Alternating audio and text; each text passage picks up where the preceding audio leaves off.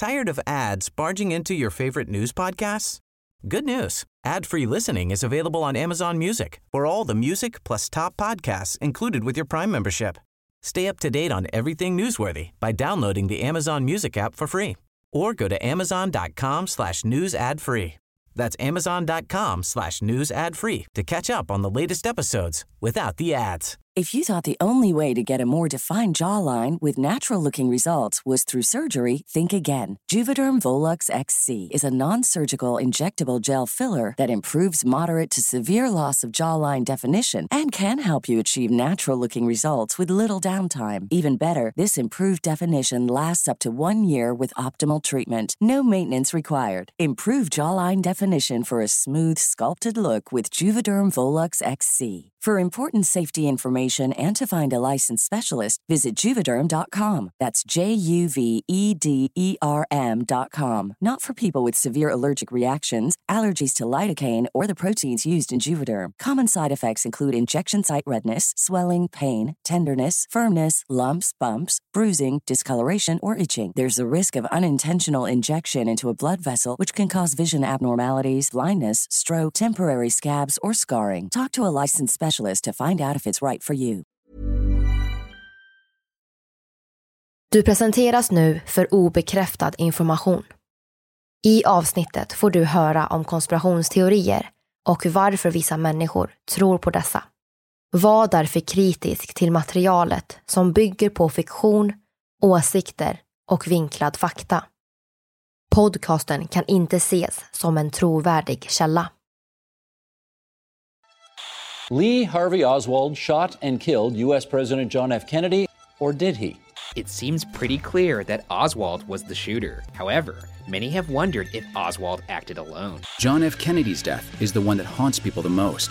The President of the United States is dead.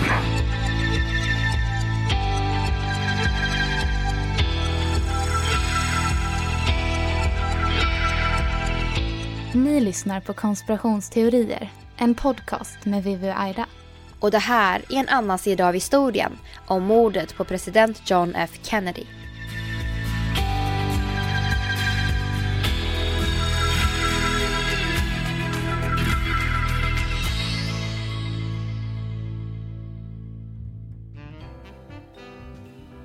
Det är en varm solig fredagsmorgon i Dallas år 1963. Hösten har blivit november månad. Det är ingen direkt vanlig dag för medborgarna i staden. De ska nämligen snart få se landets mest inflytelserika person, om så bara en skymt av honom. Massorna trängs längs Elm Street och övriga gator i staden. Men det är fortfarande glada miner. Samma morgon går en man in med ett brunt paket på skolbokslagret på samma gata. Det kommer göra att hela världen minns den 22 november 1963 som ett stort trauma.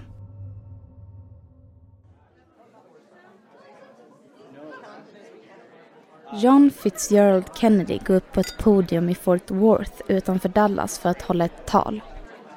Ett tal som vi nu i efterhand vet om att bli hans sista i livet. But this is a very dangerous and uncertain world. As I said earlier, on three occasions in the last three years, the United States has had a direct confrontation. No one can say uh, when it will come again. No one expects uh, that uh, our life will be easy. Certainly not in this decade, and perhaps not in this century. I dokumentären JFK, Three Shots That Changed America, ser vi hur publiken applåderar och presidenten ler tillbaka mot folket. Han hade tidigare blivit varnad för att komma hit eftersom USAs FN-ambassadör en månad tidigare hade blivit attackerad här. Men han hade såklart struntat i varningarna. Det är riskabelt, men han ville inte visa sig svag och undvika staden. För vad skulle det sända för budskap till hans väljare och medborgare i Texas? En kör börjar sjunga och när de är klara så sätter sig Kennedy ner igen. Strax därefter stiger Jacqueline Kennedy in, även kallad Jackie, klädd i rosa från topp till tå. Hon är USAs första dam. Publiken applåderar igen.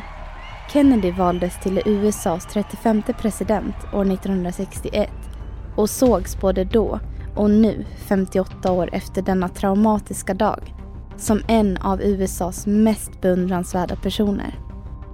Det märks i filmen av publikens jubel och applåder.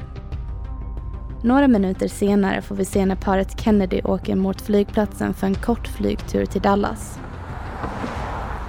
En stor folkmassa står samlade när paret landar. Längs Dallas gator står vinkande män, kvinnor och barn med kameror, blommor, plakat och stora leenden.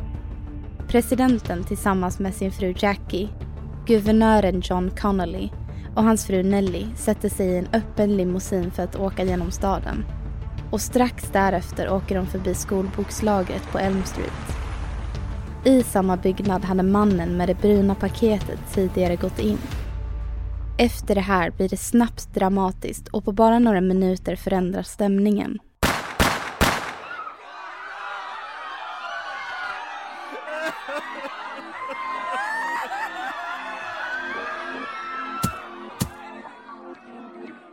Det krävdes tre skott för att skapa osäkerhet i Dallas, USA och den övriga världen. Tre skott för att mörda president John F Kennedy. Bara tre skott för att skapa total panik. Men frågan kvarstår. Var det en ensam mördare eller en uttänkt plan från toppen av USA? Det ska vi försöka reda ut idag när vi ska prata om en konspirationsteori om president John F Kennedy och hans mördare Lee Harvey Oswald som kanske inte agerade ensam. Det här är en podcast för dig som är intresserad av en annan version av verkligheten. En version som tar upp alternativa teorier, mystiska sammanträffanden och diskussioner om vad som kan vara sant.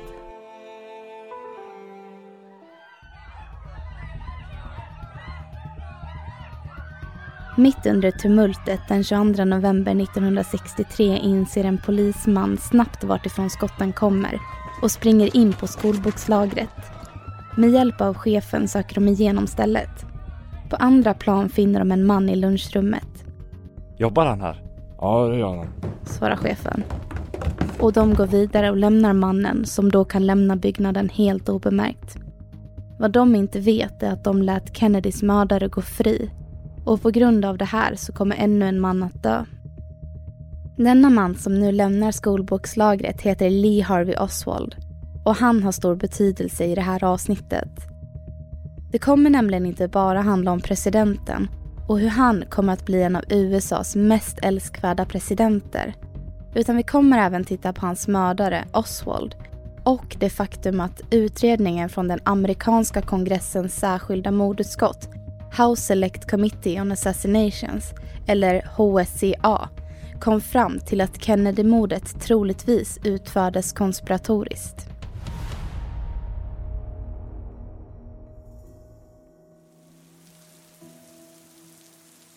Pojken som föddes 1939 i New Orleans och som kom att 1963 avfyra de dödande skotten mot Kennedy fick namnet Lee Harvey Oswald. Han hade en ganska isolerad uppväxt. Hans far avled strax efter födseln vilket gjorde att Oswald växte upp nära sin beskyddande mamma och utan några vänner att umgås med. Barndomen präglades av mycket hat och ilska. Han passade inte in någonstans egentligen. När Oswald var 14 år diagnostiserades han med en personlighetsstörning med schizoida drag och passiv-aggressiva tendenser vilket hans mamma inte ansåg var värt att behandla. Pojken växte upp till att bli en man som var intresserad av socialism, landet Kubas dåvarande diktator Fidel Castro och som ofta befann sig i kommunistiska kretsar. Under just den tiden, under kalla kriget, var stämningen spänd mellan Sovjetunionen och USA och det var ovanligt att man som amerikan tyckte om Castro, som var allierad med just Sovjetunionen. Oswald var en duktig skytt och tog värvning i marinkåren. Men i arbetet var han stökig och ställdes inför rätta två gånger i militärtjänsten för att ha varit provocerande. Kanske var det något av detta som ledde till hans död. Oswald lämnar USA och under 60-talet i Sovjetunionen så försökte han ta livet av sig när han inte fick medborgarskap. Men han fick till slut stanna och träffade en rysk kvinna att gifta sig med. Men efter ett år tröttnade paret på Sovjet och flyttade till USA. Väl tillbaka i Amerika gick det inte som mannen tänkt sig. Han tröttnade snabbt på livet i Dallas och fick en ny idé. Kuba. Under sommaren 1963 kom Oswald i blåsväder igen när han hamnade i bråk med exilkubaner som inte delade hans åsikter om situationen i Kuba och Fidel Castro som nyligen tagit makten. USA ansåg att han behövde avsättas och CIA med hjälp av exilkubanerna gjorde ett försök, men som misslyckades. Det blev ett nederlag för USA och efter det sökte Kuba stöd hos Sovjetunionen. Exilkubanerna tog det här mycket hårt då de ville ha tillbaka sitt hemland från Castros grepp. Så när Oswald delade ut flygblad med texten “Hands of Cuba” togs det inte väl emot och han blev bötfälld av polisen för bråken. Något som kan ha varit ännu en anledning till att han, strax därefter, valde att resa till Mexico City för att få tillåtelse att resa till Kuba. Mexikanska myndigheterna sa nej och det gjorde även de kubanska och sovjetiska ambassaderna när han ville resa via Kuba till Sovjetunionen istället. Det här ska ha gjort honom mycket arg. Ni kanske undrar varför just den här mannen och hans bakgrund har så stor betydelse i det här avsnittet. Jo, det är nämligen på grund av hans flera försök att skaffa visum i både Sovjet och Kuba, hans kommunistsympatier och intresse för Fidel Castro, Kubas dåvarande diktator, som har gett upphov till konspirationsteorier som vi ännu inte kan avvisa som felaktiga nästan 60 år efter mordet på John F Kennedy. Under dagen för mordet på Kennedy kunde flera vittnen placera Oswald på lagret och på bussen när han åkte hem. Han kom nästan hem innan en polisman stoppade Oswald. Hur det här hände vet vi inte exakt, men polismannen blir här dödad. Dagen efter Kennedys mord blev Oswald gripen, men bara för mordet på polismannen. När det stod klart att presidentens liv inte gick att rädda blev den redan dystra stämningen i USA inte direkt bättre. Just now we've received reports here at Parkland. The president was hit in the head. Just a moment. Just a moment. We have a bulletin coming in. It's official now. The president is dead. Skottet mot landets president går att jämföra med samma trauma vi fick uppleva i Sverige när mordet på vår statsminister Olof Palme inträffade 1986. Även fast denna händelse inte hade inträffat när Kennedy mördades. Oswald blev till slut gripen och misstänkt för Kennedy-mordet också.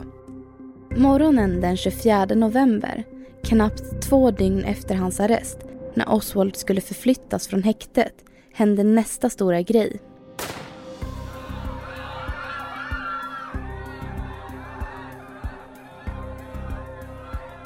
Direkt sänt på TV kunde USAs medborgare se en man stiga fram med en pistol. Med den i handen sköt han Lee Harvey Oswald till döds.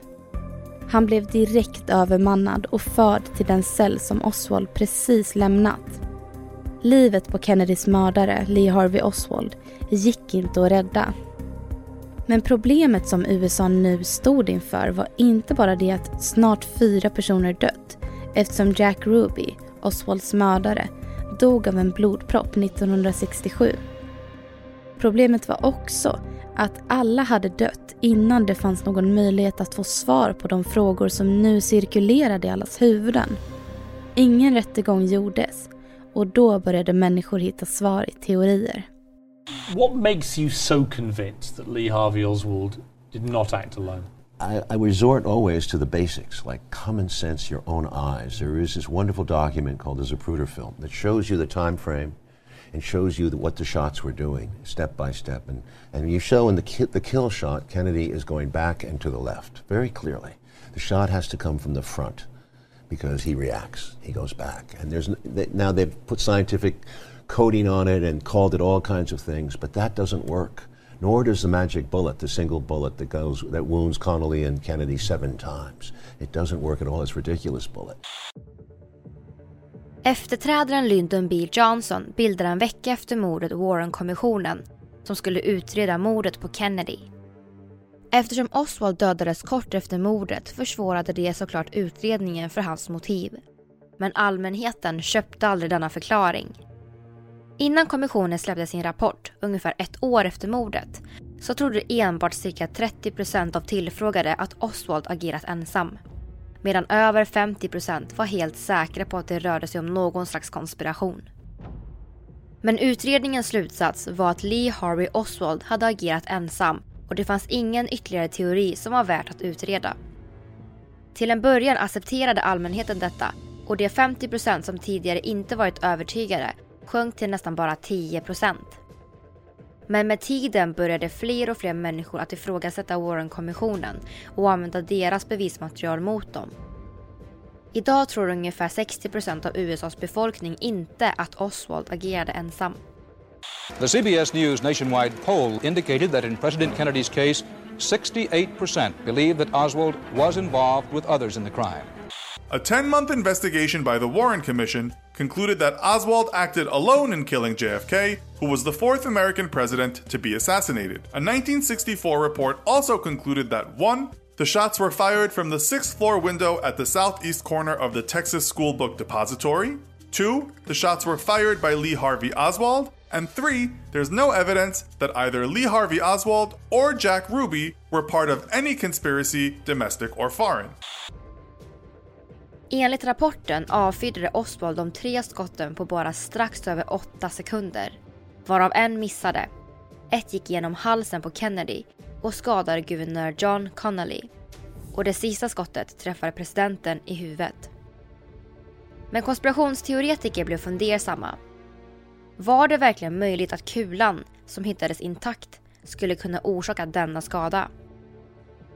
Och om det skulle kunna vara så att Connolly och Kennedy blev träffade av olika kulor, då måste det ha funnits en till mördare.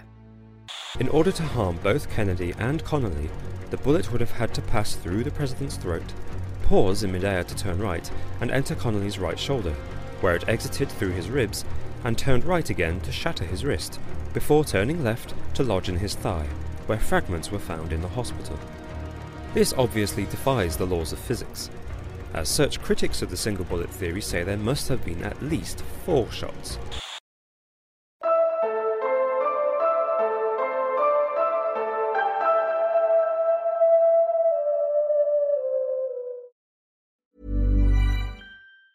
Tired of ads barging into your favorite news podcasts?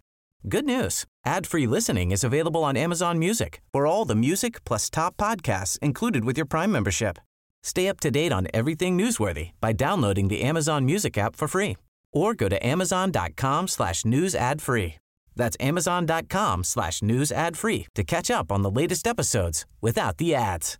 How would you like to look five years younger? In a clinical study, people that had volume added with Juvederm Voluma XC in the cheeks perceived themselves as looking five years younger at six months after treatment. Look younger, feel like you. Add volume for lift and contour in the cheeks with Juvederm Voluma XC. Reverse signs of aging by adding volume to smooth laugh lines with Juvederm Volure XC. For important safety information and to find a licensed specialist, visit juvederm.com. That's J U V E D E R M.com. Not for people with severe allergic reactions, allergies to lidocaine, or the proteins used in Juvederm. Common side effects include injection site redness, swelling, pain, tenderness, firmness, lumps, bumps, bruising, discoloration, or itching. There's a risk of unintentional injection into a blood vessel, which can cause vision abnormalities, blindness, stroke, temporary scabs, or scarring. Talk to a licensed specialist to find out if it's right for you.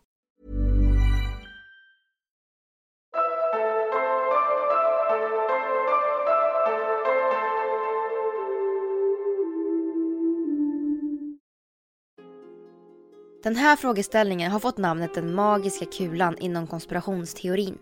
Och år 1978 fick konspirationsteoretikerna det de ville. Mordutskottet HSCA grundades och efter två år av undersökningar kom de fram till sin slutsats. Även om Oswald var mördaren så fanns det en konspiration som involverade ytterligare en gärningsman. Det allmänheten fick var två helt motstridiga rapporter och det var väl egentligen där all osäkerhet började. Det mordutskottet gjorde var att titta på den mycket tvivelaktiga analysen som tidigare gjorts av Dallaspolisen specifikt gällande en ljudanalys. At the time of the assassination, the microphone on a police motorcycle was jammed in the on position, transmitting sound to police headquarters, where it was routinely recorded. When the shots were fired in Dallas, the microphone picked up those sounds. Med 95% säkerhet hade ljudinspelningen från mordet fångat upp fyra avfyrade skott. Vilket innebar att det fanns ännu en mördare. Vilket bekräftar de nästan 50 vittnen som efter mordet berättar att de hade hört pistolskott från en kulle vid sidan av vägen. Kunde Oswalds medhjälpare stått där? Det var uppenbart att nästan hela USA höll med om en sak. Kennedy-mordet hade inte skett på det enkla sättet som Warren-kommissionen framställde det. Inte heller hade mordutskottet gjort ett tillräckligt grävande arbete. Det var svajiga tider i USA. Folket hade precis fått veta att regeringen, CIA och FBI undanhållit mycket information kring Vietnam, Watergate och även Kennedy-mordet för Warren-kommissionen, mordutskottet och befolkningen. Det verkade som om alla var överens om att deras egen regering inte var fullt pålitliga. När de kom fram till att CIA tagit bilder på Oswald utanför Sovjetunionens ambassad och registrerat hans telefonsamtal under en period innan mordet började allmänheten höja på ögonbrynen. Dessa bevis hade inte nått Warren-kommissionen eller mordutskottet när de utredde fallet. Fanns det mer som FBI, CIA och regeringen visste om men inte berättade? Så nu fanns det två konspirationer. En som rörde att presidentens mord hade flera inblandade aktörer och en annan om regeringens önskan att täcka över det. Varför? undrar medborgarna. När filmen JFK släpptes år 1991 ökade misstron något enormt då den framställde FBI, vicepresidenten Lyndon B Johnson, CIA, Pentagon och många fler aktörer som olika grader av skyldiga. Där det är tydligt att det i princip bara är Jackie Kennedy som inte har en aning om vad som ska hända den dagen. Filmen avslutades med en önskan om att låta allmänheten ta del av akterna. Och så blev det. År 1992 gick kongressen med på att lösa dem från sin klassificering, men efter 25 år. Och det 25 året hade passerat under hösten 2017. The president tweeting they were coming today, the final batch of classified documents from the assassination of President Kennedy. A short time ago, the White House explaining the major delay, the new concern tonight. Teams of historians and reporters waiting all day long to learn more about that fateful day, including what more did the CIA possibly know about Lee Harvey Oswald before the assassination. Tonight, more confusion and drama surrounding the assassination of JFK. President Trump announcing some of the secret documents scheduled to be released today will not be because they pose a danger to national security. Well, first of all, I think you'd have to assume that if the information's been held secret for over 50 years, there's got to be something in it that would be of value to uh, the American people if it was released. Det vi kan se i dokumenten är att även om det stod klart att det var just han så hade Warren-kommissionen svårigheter att förklara varför Lee Harvey Oswald sköt JFK till döds. Det finns även en hel del dokument som blivit undanhållna under åren från HSCA och Warren-kommissionen. Bland annat om presidentens obduktion, menar författaren Richard Beyer. Och han är inte ensam om dessa teorier. En del forskare och konspirationsteoretiker menar att det finns tydliga tecken för att man har manipulerat materialet från dagen för mordet. Bland annat rör det den magiska kulan och olika fragment kring det. Till exempel limousinen paret Kennedy åkte i. Den papperspåse Oswald hade sitt vapen i. En hel del bilder och filmer. Och inte minst presidentens kropp själv. Det finns inte mycket bevis för att styrka detta men fortfarande finns det några dokument som inte släppts än. Och kanske finns svaret i något av dem. Den efterträdande presidenten, Lyndon B Johnson, hade kanske inte den lättaste tiden efter Kennedys död. Fyra år efter mordet berättade CIA-direktören att CIA hade försökt mörda Fidel Castro med hjälp av medlemmar från maffian. Därav trodde presidenten Johnson att JFKs mord faktiskt hade organiserats av Castro för att ge igen mot landet och CIA. Johnson trodde aldrig att Oswald agerade ensam. även om han accepterat att det var han som avfyrade skotten. I rapporten från Warren-kommissionen stod det att de hade undersökt dussintals av konspiratoriska kontakter mellan Oswald och Kuba, både exilkubaner och agenter från den kubanska regeringen. Men inga svar fanns att hämta där och i efterhand kanske det berodde på att kommissionen aldrig fick ta del av rapporten från J. Edgar Hoover, den dåvarande chefen för FBI, som menade att Oswald hotat att döda JFK under sin resa till Mexiko, bara tre veckor innan mordet. Mordutskottet, HSCA, ansåg inte heller att det fanns några tillräckliga bevis för att peka ut kubanska anti-Castro-grupper som involverade. Men utskottet ville ändå inte utesluta möjligheten att individer från sådana grupper kunde varit med. Anledningen låg bland annat i den rådande stämningen mellan länderna. Kuba har under hela utredningen stått högt upp på listan för både Warren-kommissionen och mordutskottet. Flera kubaner som bodde i USA önskade såklart att kunna återvända hem. Men inte förrän Fidel Castro hade försvunnit från makten. Efter en misslyckad kupp från CIA under 60-talet ansåg utskottet att det inte alls vore orimligt att de kubanska flyktingarna kunde varit en del i Kennedys mord av ren bitterhet mot honom. Richard Schweiker, en av USAs senatorer, trodde att Warren-kommissionen bara tillsattes för att det skulle se bra ut. Och det kanske ligger någonting i det, anser många konspirationsteoretiker. Doctor, the Warren Commission was established to get to the bottom of the murder. Some have speculated that the commission was corrupt. What is your take on that? Well, the Warren Commission was corrupt. I mean, if you take a look, there was an, um, the purpose of the commission was to make sure the blame was put on Lee Harvey Oswald. Uh, the Warren Commission was constituted so the blame did not go on the Soviet Union, did not come back on the CIA, uh, did not name Lyndon Johnson, although I am convinced and discussed that Lyndon Johnson knew about the assassination and was uh, all in favor of it. Kommissionen undersökte även ännu en misstänkt person som medhjälpare i mordet. Nämligen Oswalds mördare Jack Ruby. Men de ansåg inte att han hade några kopplingar till organiserad brottslighet. Något som konspirationsteoretiker reagerade på var just det. Rubys brottslighet. Han var en nattklubbsägare och hade vid ett flertal gånger både arresterats, blivit dömd och varit involverad i andra kriminella brott. Det ryktas även att Jack Ruby var kopplad till maffian och att det skulle vara via deras order som han mördade Oswald. För vad hade en nattklubbsägare annars för motiv att utföra mordet? Kunde det vara så att Jack Ruby mördade Lee Harvey Oswald för att han var rädd att Oswald skulle avslöja någon större konspiration? Om inte kan man ställa sig frågan hur Jack Ruby, en rätt vanlig man som faktiskt ville leva, skulle kunna utföra ett mord som helt klart skulle ge honom dödsstraff. Det var ju inte direkt så att Ruby gjorde det diskret. Det livesändes inför hela Amerika.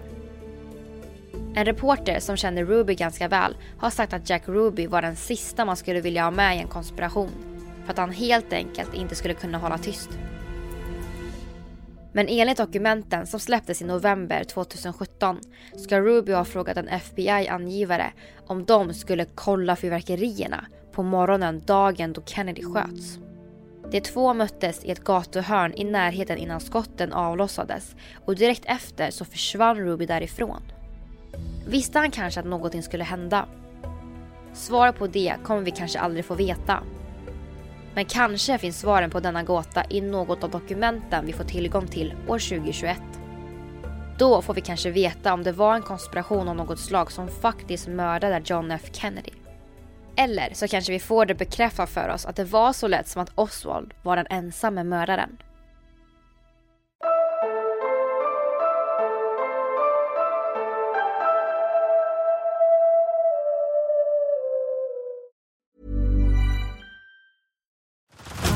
Head over to Hulu this March, where our new shows and movies will keep you streaming all month long. Catch the award winning movie Poor Things, starring Emma Stone, Mark Ruffalo, and Willem Dafoe. Check out the new documentary, Freaknik The Wildest Party Never Told, about the iconic Atlanta Street Party. And don't miss FX's Shogun, a reimagining of the epic tale, starring Anna Sawai. So, what are you waiting for? Go stream something new on Hulu. Tired of ads barging into your favorite news podcasts? Good news. Ad-free listening is available on Amazon Music for all the music plus top podcasts included with your Prime membership. Stay up to date on everything newsworthy by downloading the Amazon Music app for free or go to amazon.com slash news ad free. That's amazon.com slash news ad free to catch up on the latest episodes without the ads.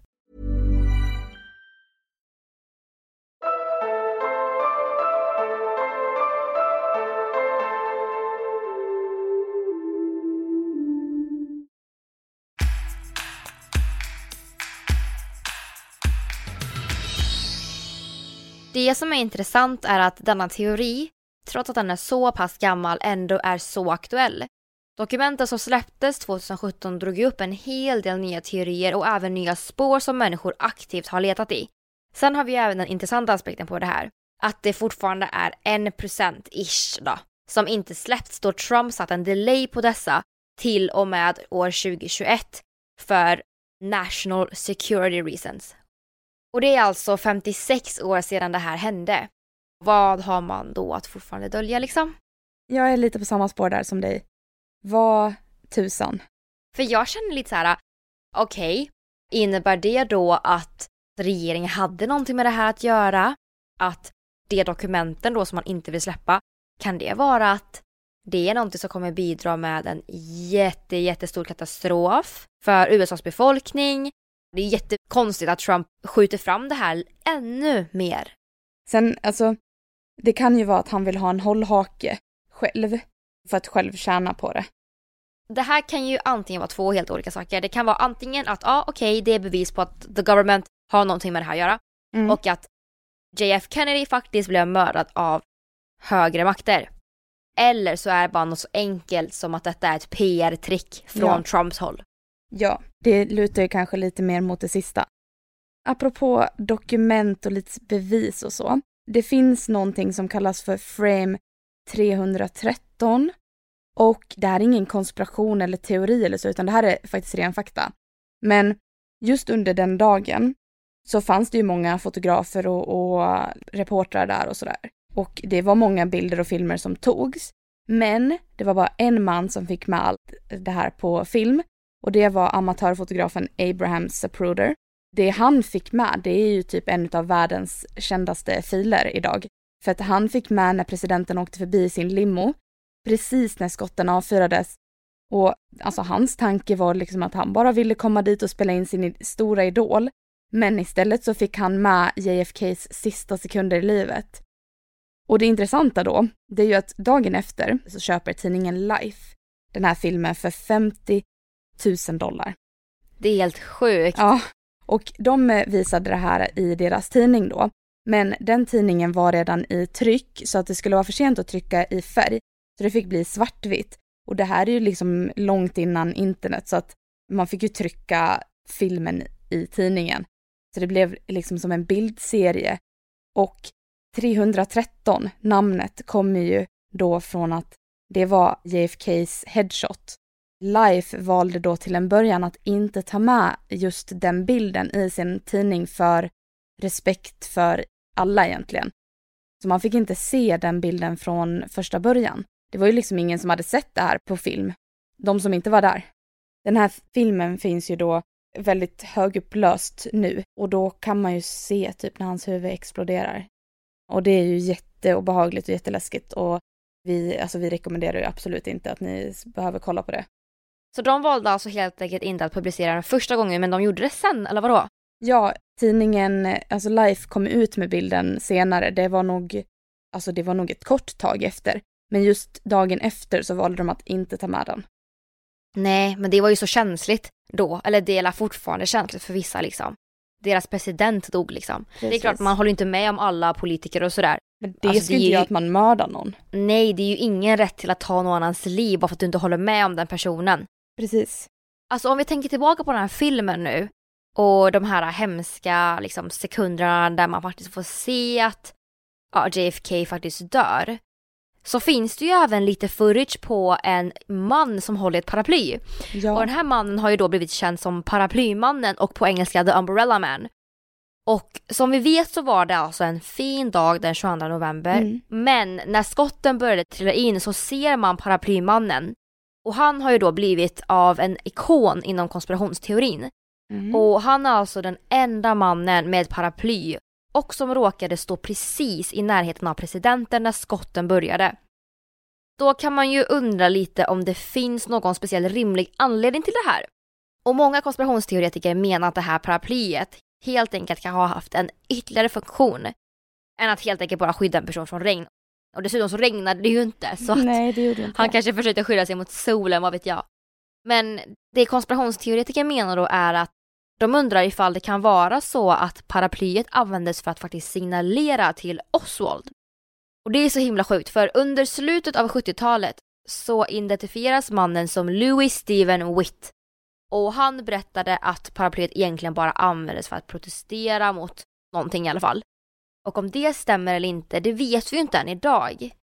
Sen finns det ju vissa konspirationsteoretiker som tror att det kan ha varit ett inbyggt vapen i eh, den.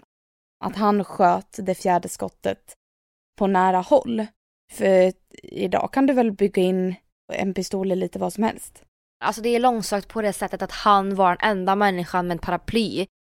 Det är klart folk märker det för han stod ut. Och skulle han stå Ah. där och skjuta honom, då hade ju folk reagerat på det och förmodligen blockat honom och polisen hade haft honom nu i fängelse liksom. Men du tror inte att det liksom är att han tänker att det var uppenbart att han hade sitt paraply att signalera då? Det hade kanske varit lättare att signalera typ, ja men eh, jag kliar mig på huvudet eller något, jag vet inte. Jag tror mer på det faktum att han använde paraply för att signalera till Oswald som då tog pistolen och faktiskt avfyrade skottet. Men det känns så odiskret att signalera med ett paraply när det är en fin dag. det känns jätteorimligt. Ja, de var väl inte så smarta kanske. Om det är sant. Ja, jag vet. Men det som är intressant är att bredvid den här Umbrella-mannen då, Umbrella-mannen, min svengelska, så såg man en annan man som man ännu inte har kunnat identifiera. Precis, och paraplymannen kunde ju inte identifiera den här personen och det, det kan ingen annan heller än idag. Men man tror, alltså eftersom att Fidel Castro var en eh, stor del i den här eh, konspirationsteorin så tror man att den här mannen kan ha kopplingar till Kuba och den kubanska regeringen och att det på något sätt är att de är inblandade i mordet. Men nu måste vi gå in på det absolut intressantaste med det här. Mhm. Och det är Jack Ruby, tycker jag. För att det känns som att han är spindeln i nätet i hela den här teorin. Det känns som att allt går att kopplas till Ruby. Okej. I alla fall, min poäng med det här är att samtidigt som det här hände så träffade ju Jack Ruby en FBI-informatör. Och det är ju helt enkelt någon som är un- under täckmantel och lämnar info till FBI. Det kan vara någon i maffian eh, som kanske har dealat med att slippa sitt straff eller whatever. Det, det kan också vara någon som var en agent i, från FBI. Det vet vi inte riktigt. Men han träffade i alla fall en sån informatör och vi vet inte om Ruby visste att han jobbade för FBI eller inte. Men de sa i alla fall att de skulle gå och kolla på fyrverkerierna. Ja men vad då för fyrverkerier? Det var väl inga fyrverkerier då? Nej, precis. Jag, bara, jag fattade inte riktigt. Jag bara, var det fyrverkerier där ens? Nej, alltså vem säger något sånt? Betyder fyrverkerier skott? Eller så här, vad, vad betyder det? Aha! Va? Så du menar helt enkelt att Ruby kanske hade ett hemlighetsspråk? Alltså Ja. en kod? Ja. Om man ska gå och kolla på fyrverkerierna, då ska man ju gå och kolla på skotten, tänker jag. Men vadå, det låter ju lite som att han visste att det här skulle ske. Ja, och om han visste att det skulle hända så håller ju inte hans story som han sa i, eh, liksom på polisförhören i efterhand. För att då säger han att han sköt Oswald sen typ dagen efter för att han ville hämnas, för att han tyckte om JFK och han ville hämnas att Oswald mördade han. Men om han visste att det här skulle hända, då hade han ju förhindrat det. Eller hur? Mm. Men det känns ju inte alls legit. Nej, jag tycker inte heller det. Alltså om man går och mördar någon mitt framför ögonen på polisen och på TV så måste man ju förstå att det här kommer ju leda till dödsstraff. Alltså man måste ju fatta, för de var ju i Texas. Mm. Och då känns det som att han kanske bara, ja men jag tar det här för att han kanske var okej med att han kunde få dödsstraff eller dö för att, Ja, men han hade ju cancer. ja men precis. Ja. Och då Då tycker jag att det mest troliga är ju att... Ja, men han var med i maffian. Det, det, blir, det blir ju så sjukt. Alltså det blir kaka på kaka på kaka på grejer som, som bara lindar in honom i en fälla med Mm. det här. Och alltså, jag tror ju definitivt att han gick och mördade Oswald för att han var rädd att Oswald skulle namnge Ruby då. Eller att eh, på något sätt att Oswald skulle avslöja konspirationen som de maffian hade inkluderat Jack Ruby då. Eh, och att han då kände sig tvungen liksom att okej, jag ska ändå dö i cancer. Så då kan jag offra mig för att skydda mina maffiavänner och min maffiaklubb och bara gå och mörda honom. Och jag vet att jag kommer dö, men jag kommer ändå dö av cancer. En trolig grej, det är ju att hela mordet och alltihopa, det var någon slags maffiaplan.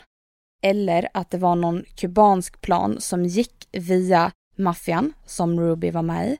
Och Mm. att Rubys roll var att mörda Oswald för att deras eh, maffiaplaner skulle gå. Alltså jag What? tror verkligen på det här. Det är ju så himla mycket brister i fallet, det finns så mycket konspirationsteorier och det är så mycket som inte stämmer överens så att det här skulle ju kunna vara sant. Mm. Nej men absolut. Och sen, det här är liksom pricken över i nu. En annan teori som spinner vidare på allt vi har sagt nu, det är ju att Warren-kommissionen, de kanske tillsattes bara för att det här skulle se bra ut. De kanske inte alls utredde fallet. Typ inom ett år efter mordet så sa de, nej men det här är ingen konspiration, det var Oswald och han mördade han bara för att. De tittade ju inte mer efter det. Mm. Men den här mordutskottet som tillsattes, de hittade ju ett ljudklipp och det här var ju jättestora bevis för att det var en fjärde kula, för det hördes ju i den. Men de, det var ju inte tillräckligt starka bevis för att man skulle kunna koppla det till den dagen och att det var just Kennedys mord. Men alla vet ju om att det var ju det. Och om man hade fått använda den, det här beviset i ljudklippet, tänk, allting hade varit annorlunda idag, för det bevisar att det var ett fjärde skott. Och, och i så fall en till mördare. Exakt, för det, det går inte att det var Oswald som sköt fyra skott på grund av det vapnet att han, hade och på den tiden han sköt. Det går verkligen inte, det är helt uteslutet. Så då fanns det en fjärde mördare om man hade fått använda det här beviset. Äh, inte fjärde mördare, men att det fanns en annan mördare. Nej. ja, men alltså herregud. Exakt. Om vi backar tillbaka lite till det här med Kuba, för jag kom på en till sak. Mm. En teori, det var att Kuba och Warrenkommissionen faktiskt visste om det här. Och att de visste att det här skulle ske. Mm. Men för att de inte ville höja oroligheterna som skulle komma då under kalla kriget så valde de alltså att inte berätta det här för allmänheten. Teorin är ju att de gjorde en deal mellan dem själva då. Och det hade alltså blivit krig Mm. och alltså Sovjet hade säkert blivit inblandade och det hade helt enkelt startat ett nytt världskrig. Så det var helt enkelt enklare att liksom bara hålla det för sig själva. Och den här teorin Mm. hör faktiskt även ihop med att Warren-kommissionen skulle se bra ut. För att det de bara gjorde var att allmänheten skulle tro att de skulle försöka lösa fallet men... Men de gjorde egentligen inte det. Nej, de gjorde ju inte det. Det var liksom en täckmantel för det. Ja, för de kom ju inte fram till någonting egentligen. Alltså de gjorde verkligen ingenting. Ingenting. Och folk blev ju liksom misstänksamma mot dem. Och då kom ju det här HSCA. Ja, exakt. Det mordutskottet där. Och det var ju de som hittade det här ljudklippet, men de kunde ju inte använda det för att det var inte tillräckligt starka bevis.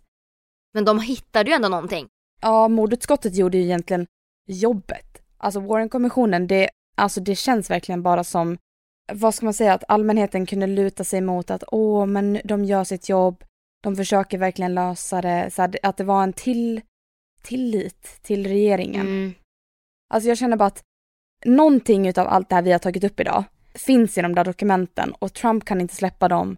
Alltså det kommer bli kaos. Vi kan ju nästan diskutera om det här hur mycket som helst.